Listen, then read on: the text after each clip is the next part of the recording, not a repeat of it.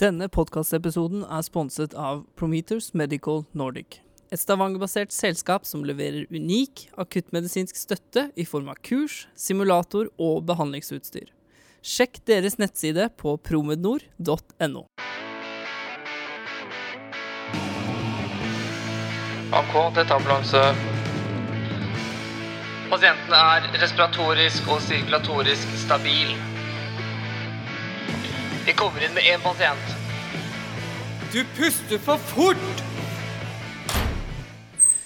Nå er jeg på stasjon Brobekk i Oslo. Her skal jeg møte to stykker som virkelig har tatt responstidene på alvor. Hvor mye har du å si, Oddbjørn. Hei, Ole Kristian. Hei, Thomas. og hvor mange minutter kan vi egentlig spare vi får ta det igjen. Vil du være med på dette? Ved å sitte på såkalte beredskapspunkt kontra å sitte på sofaen inne på stasjonen. I dagens episode skal vi snakke med Oddbjørn Hagen og Thomas Christensen, og vi skal snakke om beredskapspunkter.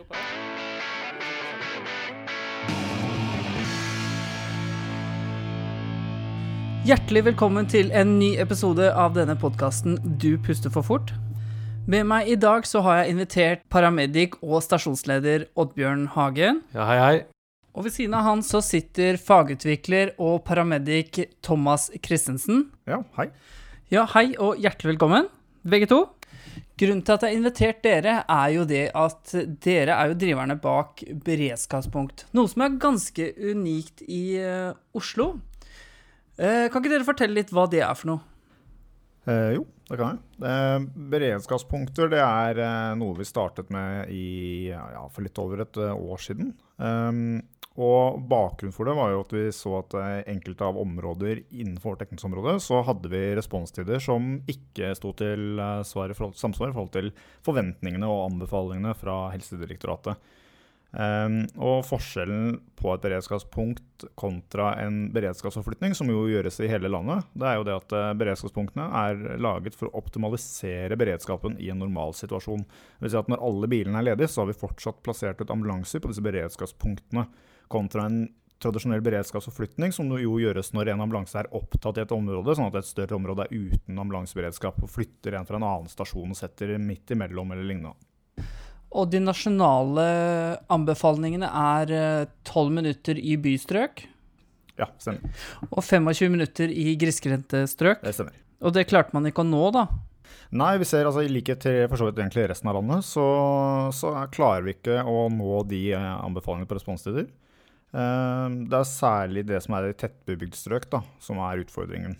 Eh, 25 minutter i grisgrendt strøk, det eh, har man større måloppnåelse på, i hvert fall i, vårt område, som jo til tross for å være grisgrendt er ganske lite geografisk område eh, sammenlignet med resten av landet. Eh, Oddbjørn, åssen er det dette starta, da, eh, med beredskapspunkter? Jo, det starta her eh, i Oslo. Så starta vi i 2016 eh, på sommeren.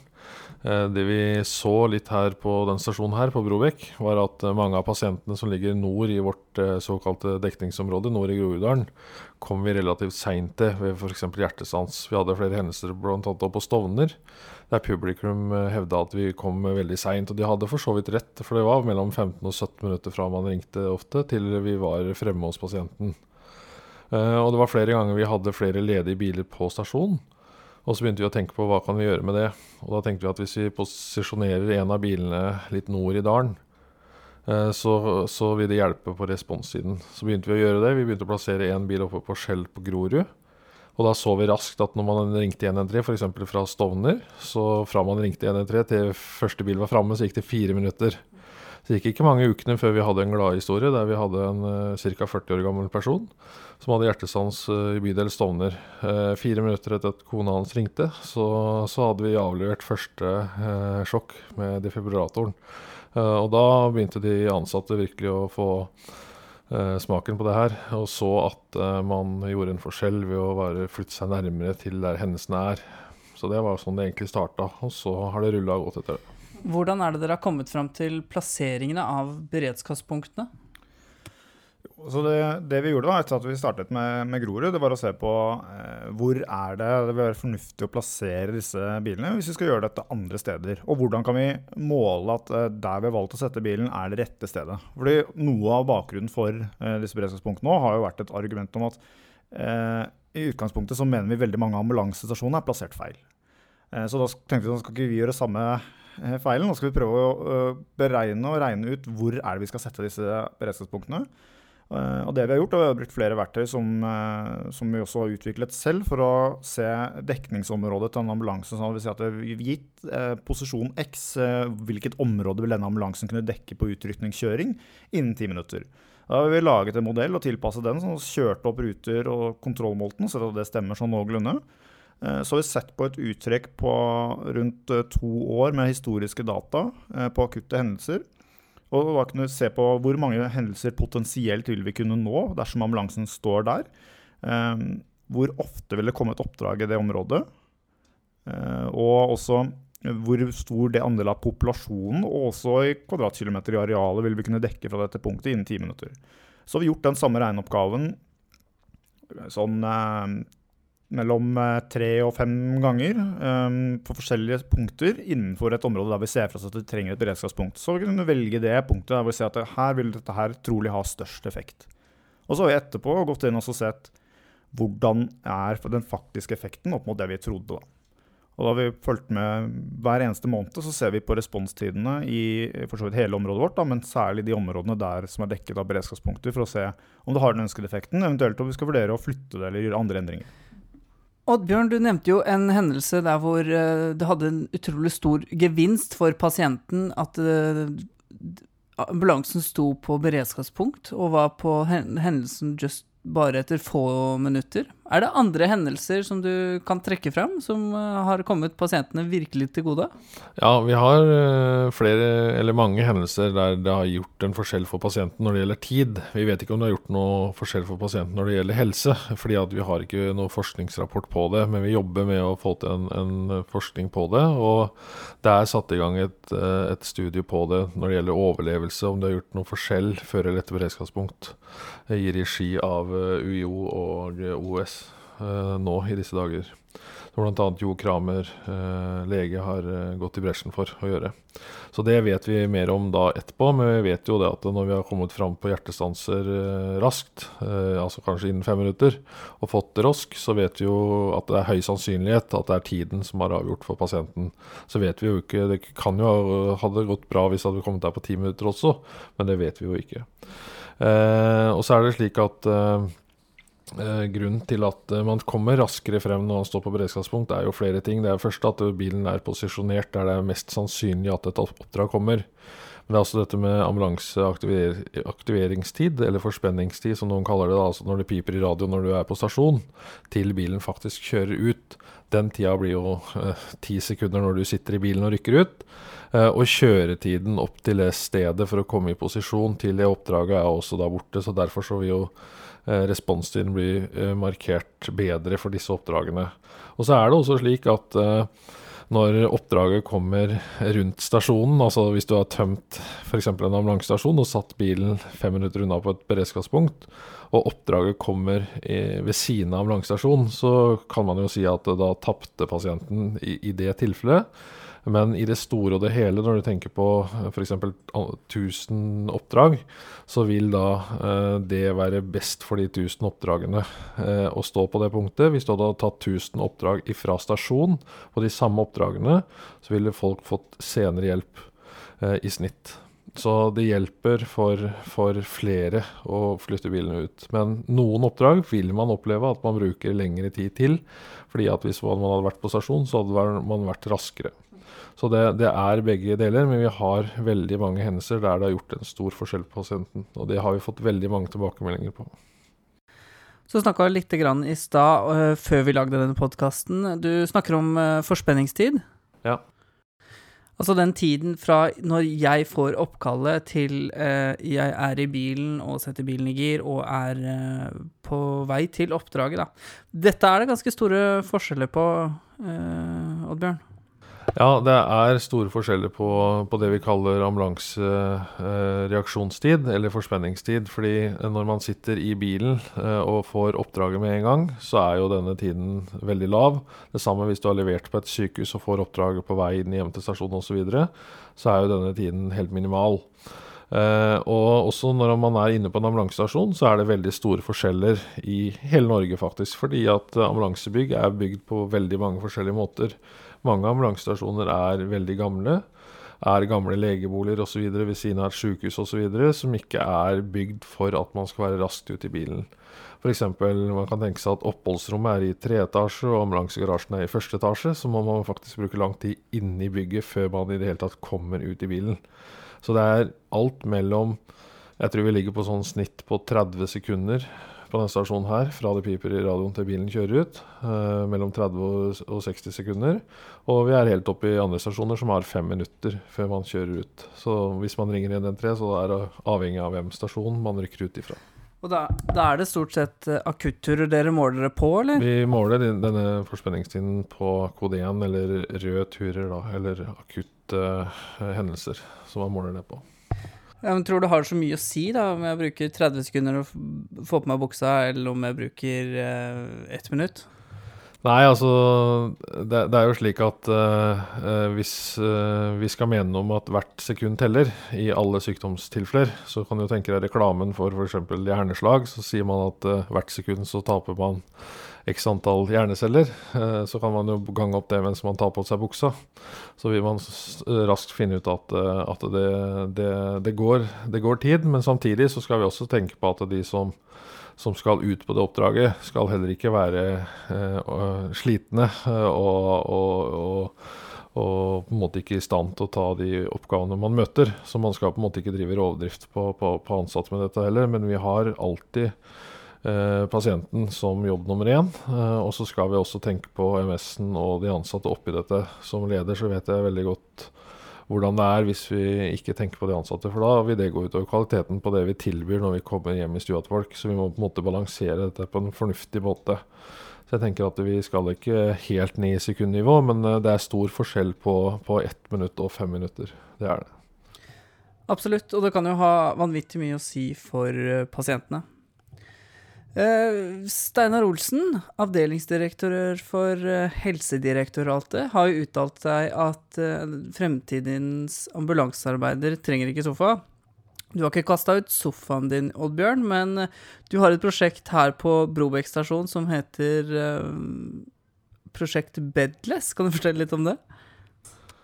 Ja, vi har gjort noe med det, fordi vi så at av historiske årsaker osv., så, videre, så har man valgt å bygge ambulansestasjoner med soverom.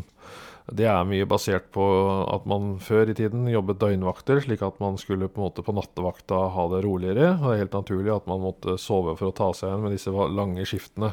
Og da naturlig nok, rundt i Norge så går man ofte døgnvakter for å ha en adekvat tjeneste, for å ha en god beredskap. Og det er fornuftig mange steder å ha døgnvakter og gå lange skift, fordi at belastningen er veldig lav. Da er det helt naturlig at man kan gå og legge seg uh, i en seng. Men uh, når man er uh, i, i bynære strøk, og man har høy aktivitet, så så vi faktisk at det å ha soverom i antasjen når man skulle legge seg nedpå klokka tre om natta, så gikk forspenningstiden opp opp i fire-fem minutter på natta. Fordi det piper i radioen. Du skal sette på, på lyset, få på deg klærne, gå på toalettet kanskje, og så kjøre ut. Eh, så beslutta jeg for ca. Ja, snart et år siden at uh, vi valgte å ikke ha senger på stasjonen. Vi så også at vi var svært sjeldent uh, inne på stasjonen på natta fordi at belastningen er høy. Og når vi tok vekk sengene og satte inn garderobeskap, Eh, så kjøpte vi sånne reclinere, rekleinere, eller lenestoler. Så når man kommer inn på natta, så setter man seg ned i dem. Og dermed så har vi fått redusert eh, tiden betraktelig på kode 1 på natta. Og det var ganske tøft akkurat i starten å stå i det, fordi det var en del folk som protesterte ganske mye. For de mente at eh, når de var inne på natta, så kunne de få slappe av og, og, og ligge i ei seng. Og det, den så jeg sjøl, for jeg har selv kjørt ambulanse i mange år og vet hvordan det er. Men etter en stund, når det hadde gått uh, en del skift for de ansatte, så sa de faktisk til meg at de ble mindre slitne nå. Fordi at når de ble vekt når de først hadde lagt seg, og ble vekta, så ble de mye mer trøtt. Så det snudde helt. Så hvis du hadde sagt til noen her nå at vi setter igjen senger igjen, så hadde de bare ledd av det. Eh, Thomas, tilbake til beredskapspunktene. Det er jo visse tider på døgnet man har eh, beredskapspunkter. Eh, 07 til 22, stemmer det? Ja, 08 til 22 er det i dag. Framover i tid ser dere for dere at dere kommer til å utvide beredskapspunktene både til natt og dag? Det er jo et, eh, et komplisert spørsmål, eh, og det kommer an på hvilket perspektiv man har. Altså, I utgangspunktet så er jo aktiviteten vår lavere på natt. Eh, sånn at effekten av et beredskapspunkt på natt vil jo være lavere enn effekten er på dag- og kveldstid, hvor vi har en mye høyere aktivitet. Likevel så betyr det jo like mye for de pasientene som trenger våre tjenester på natt. Uh, og vi ser jo at eh, responstidene våre er lave, eller si altså de er høye, lange, på, på natt. Og måloppnåelsen på responstider er lav. Uh, sånn at vi har definitivt store utfordringer på responstider på, på, natt, og hvordan vi skal løse det. Om det heter at jeg skal ha en ambulanse stående på et beredskapspunkt, eller om det er andre løsninger, det er på en måte en diskusjon som, som pågår hele tiden. Um, og har ikke noe fasit på det nødvendigvis. Eh, det vil være en, en helt annen situasjon å stå på beredskapspunkt på natt. Eh, fordi som sagt, aktiviteten er lavere. Så vil man risikere å, å kunne stå uh, time uten at man får et oppdrag. Hva syns vi som jobber ute om beredskapspunktene, da? Hva er tilbakemeldingene? Nei, eh, Det er eh, egentlig veldig mange konstruktive tilbakemeldinger. Veldig mye eh, bra argumenter, og mye blir sendt skriftlig inn. Vi ønsker jo å få alt, fordi at det er sånn vi blir bedre. Det er faktisk mange ting vi har fått inn skriftlig på en ordentlig måte og diskutert med folk, som vi har endret på.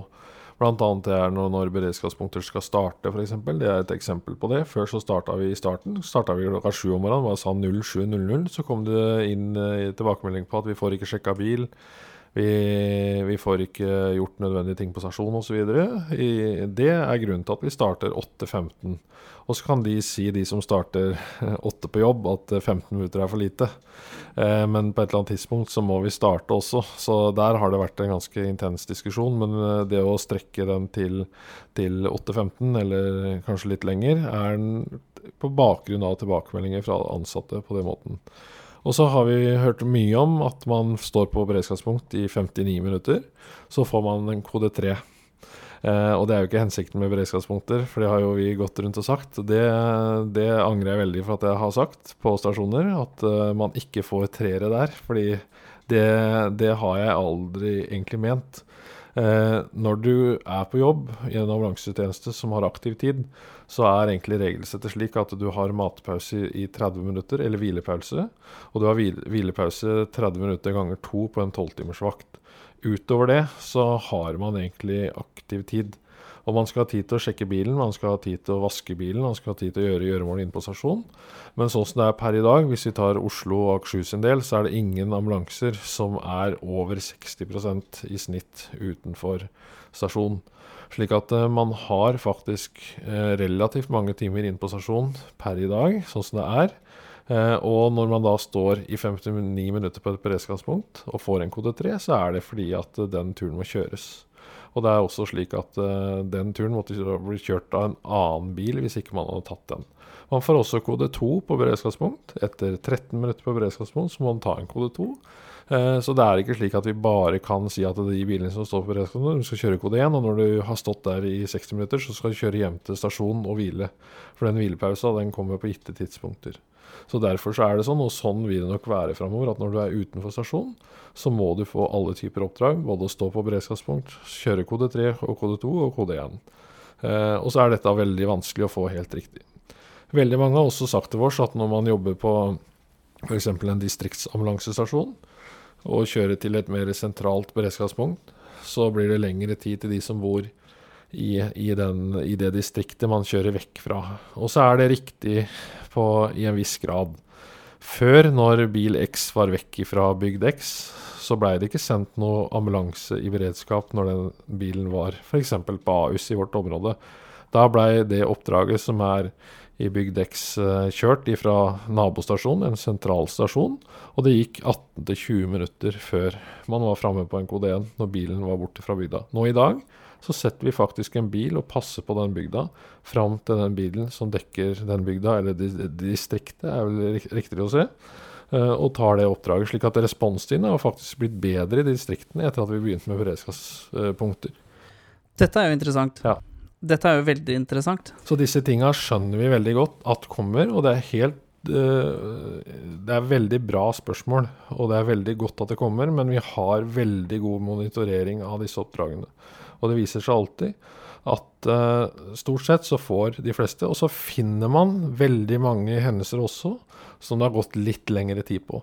Men i summen av alt på 140 000 oppdrag, så blir altså responstidene bedre i samtlige kommuner vi, vi har ansvaret for, i Oslo og Akershus i hvert fall. Så har de gjort, uh, vi har jo bl.a. gjort en spørreundersøkelse som ble sendt ut til alle ansatte. Uh, og Da fikk alle ansatte muligheten til å komme med konkrete tilbakemeldinger på, på det med beredskapspunkter. Uh, og det har vi fulgt opp også. Det var jo utgangspunktet så var det veldig positive tilbakemeldinger. Dette var jo ganske tidlig også i, i forløpet med implementering av beredskapspunkter. Veldig mange veldig positive tilbakemeldinger. Og, og, så har det vært noen som har kommet med, med noen bekymringer rundt en del nye utfordringer. Bl.a. sånn som Oddbjørn sier, dette med vask og sjekk av bil. Uh, og også dette med gjennomføring av uh, pauser osv. Der har vi tatt uh, tak og gjort en del ting nå for å sikre at pausene i mye større grad blir gjennomført på en forutsigbar og strukturert måte, sånn at vi sikrer at alle får pausene som de skal ha. Hva er forskjellen på koordineringa til AMK, da? Fra, fra, før beredskapspunkt til nå? Er det viktigere å ha en bil på beredskapspunkt, eller er det like samme flåtestyring som før? Altså, I utgangspunktet, sånn som det er nå, i hvert fall i de sentrale områdene som, som vi dekker over i Oslo og Akershus, så er det sånn at hvis du har biler på de beredskapspunktene som vi har definert, og det er fem av de, hvis vi har en ambulanse på de fem eh, punktene, så er det sånn at nesten alle oppdrag innenfor Oslo og sentrale deler av Akershus kan vi da dekke fra det beredskapspunktet innenfor angitte responstidskravet eller anbefalingen. Um, og da uh, gjør egentlig det jobben til koordinatorene mye lettere. Uh, sånn at det, det, å sørge for å ha bilene ute på beredskapspunktene, gjør at vi kan raskt komme fram til pasientene, og det blir, bruker mindre tid på å finne ut hvilke ambulanser er det vi skal bruke for dette oppdraget. Og så sikrer det også at uh, bilene blir, blir, utnyttet på en mye jevnere måte, sånn at aktiviteten blir mye likere på stasjonen. Så slipper jeg at én ambulansestasjon har veldig mye å gjøre, og så har nabostasjonen veldig lite å gjøre den dagen. Fordi Så fort den første bilen blir byttet opp på et oppdrag, og det beredskapspunktet står tomt, så blir nabostasjonen sendt for, for, å bemanne det beredskapspunktet. Så den neste tur som da kommer, den blir da fanget av den ambulansen som kanskje eh, ville bare sitte på stasjonen hele dagen. hadde det ikke vært for det. Har dere måttet tilpasse eller gjort noen endringer inne på AMK? Eh, inne på AMK så er det bl.a. utviklet en, en, applikasjon som heter Live Dispatcher. Det er et program som, som vi i teamet vårt har eh, laga selv. Eh, fordi vi kan ikke vente på noe nasjonal anskaffelse, for den er ennå ikke på plass. Vi har tatt eh, et eget grep rundt det og utvikla en applikasjon som styrer ressursene for koordinatoren. Dvs. Si at han har full oversikt over alle biler som er aktive. Han har også full oversikt over uh, vaktskiftene på bilene. Så f.eks. en bil som står fra 8 til 20. Før så måtte man finne en eller annen liste i en perm borti en hylle for å se det. Nå har man det framme på monitoren på skjermen rett foran seg. Man har også oversikt over pauseavviklingen. I av prosedyre så skal Bilex ha pause mellom klokka 10 og 13. Eh, når bilen ikke har hatt pause, så kommer det opp et ikon med kniv og gaffel som blir rødt, sånn at koordinatoren med en gang bilen melder seg ledig, må si at nå skal dere ha hvilepause. Eh, det samme gjelder vaktskifter. Når bilen har vaktskifte, og ja, nå har bilen vaktskifte, da må jeg huske på å få den inn. Eh, alle beredskapspunktene blinker oransje inni AMK-sentralen hvis de ikke er dekt, slik at man får heads up på at eh, nå må du sende en bil til beredskapspunkt.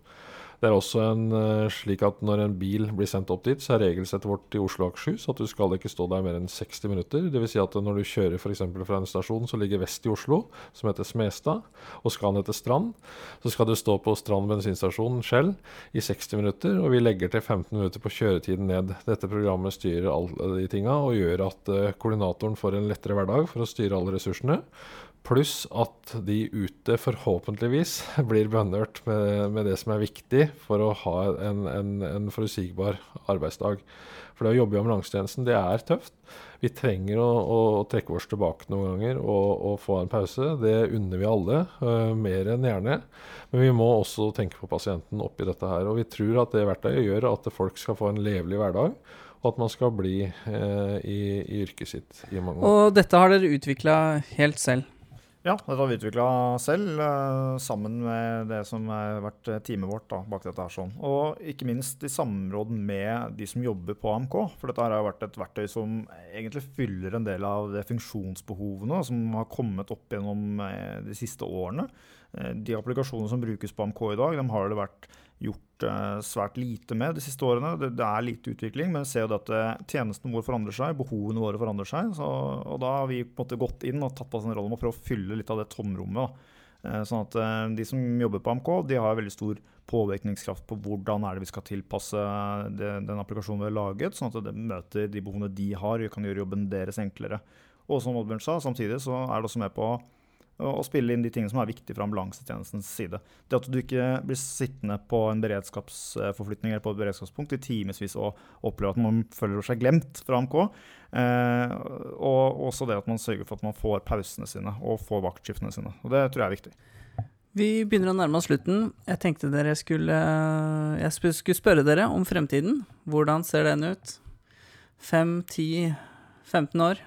Eh, jeg tror i hvert fall at eh, for det første så må vi samarbeide med primærhelsetjenesten mye mer. Med legevakter og, og kommunelegene ute rundt i Norge. Det er veldig viktig å ha et godt samarbeid med dem. fordi at når ambulansen er borte, så er det alltid viktig å ha et sikkerhetsnett for hva gjør vi da. Man kan aldri dimensjonere ambulansetjenesten for alle hendelser til enhver tid.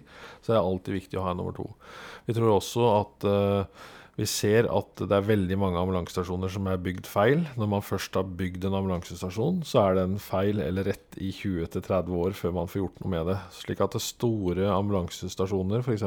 i byer, ser vi at det kan være formålstjenlig. Der det er mange som møter et sted, og så kjører man ut fra det. Og så kan man lage forskjellige steder der man kjører etter hvert som befolkningen endrer seg, og hvor man har folk og, og pasienter. For det vil endre seg i åra framover. Det vil bli mindre tid på stasjon i fremtiden i store byer. Oslo, Trondheim, Bergen, eh, Kristiansand, de store byene. Vi møter det først. Det kommer til å bre om seg sånn som det gjør i, ellers i verden. Man ser at paramedicen paramedikken og ambulansearbeideren rundt omkring er i bilen mye. Vi skal fortsatt ha løp, tror jeg som gjør at du får en karrierevei. At vi går over til eh, enreddere, soloparamediker, motorsykkelambulanser, tråsykkelambulanser, fagutvikling. Alle de tinga tror jeg kommer til å bli kjempebra sammen framover. I Norge ligger vi litt etter på de tinga der. Er du på en måte ambulansearbeider og paramedic i mange tjenester i Norge i dag, så er det ikke veldig mange løp utover det. Eh, veldig mange andre land har gode løp for paramedic. Oslo og Akershus har det også, med at du kan velge å, å søke deg til enredderfunksjoner innsatslederfunksjoner, være paramedic på legebil osv. Jeg tror det er veldig viktig å jobbe i den retningen, sånn at uh, man kan jobbe i ambulansetjenesten fra man er ferdigutdanna. Faktisk kommer de ut fra Pilestredet med bachelor i handa nå på, på 22-23 år. Skal du jobbe til du da, da er 60 år, så er det viktig å ha en karrierevei. Og alle kan ikke jobbe i Oslo, alle kan ikke jobbe i Karasjok. Og jeg tenker at vi må se landet under ett og, og finne gode løsninger, og se kanskje hva andre har gjort. Det tror i hvert fall jeg.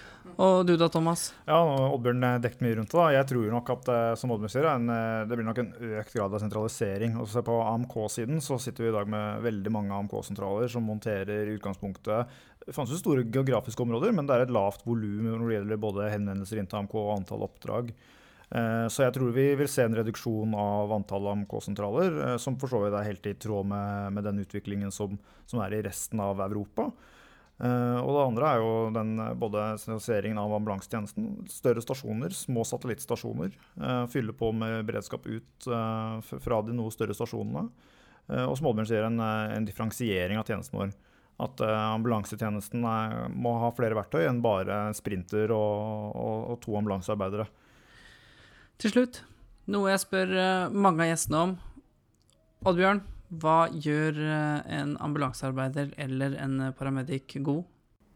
Jeg tror at en, en ambulansearbeider og paramedic blir veldig god av det å være ydmyk og, og, brenne for jobben sin. Og det å lære andre tror jeg det er veldig mye bra i. Og det å være på. Eh, det å på en måte være tydelig, være engasjert. Jeg tror det er svært viktig. Vi syns det er kjempemoro med alle som er engasjert. Både jeg og Thomas og teamet vårt er ekstremt uh, engasjerte. Vi brenner for faget. Det beste vi vet, er at når det kommer engasjerte folk bortover som faktisk er uenige med oss, det er veldig fint. Jeg tror det er sånn vi kommer videre. At noen uh, bryter framover. Og så veldig mye av det vi gjør feil, er helt sikkert feil. Eh, mange ting. Eh, men, men, jeg tror at hvis man ikke gjør noe, så får man ikke to, til noe som helst. Og sånn tror jeg alle skal prøve å leve litt etter. At man tør å, å våge å prøve noe nytt. Fordi vi er veldig nedsylta i gammel kultur. Det er ambulansestasjonen min, det er mitt distrikt, det er mine turer. Det er veldig mye som er mitt og, og kjært, og det er veldig vondt å endre de, de kulturene. Så jeg tror at eh, det er ekstremt mange flinke ambulansearbeidere og paramedikkere ute, og lærlinger, og det er ekstremt flott yrke å være i. Eh, jeg tror at eh, dem som vil være med på det beste yrket, som er kanskje i hele verden, etter vårt, må, må jobbe med dette her.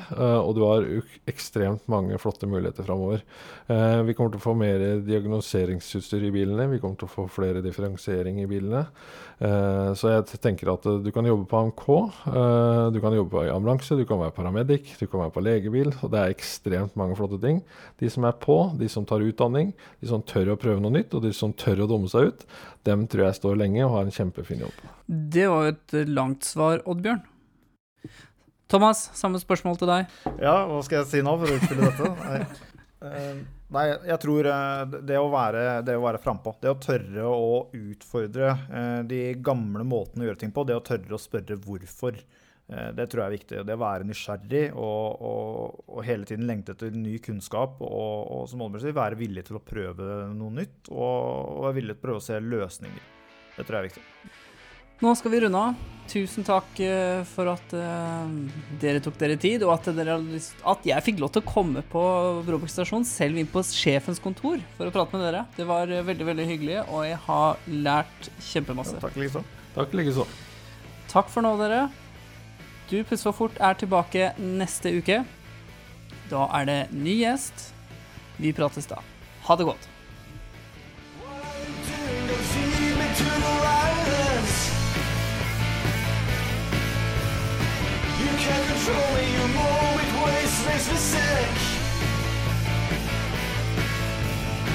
I don't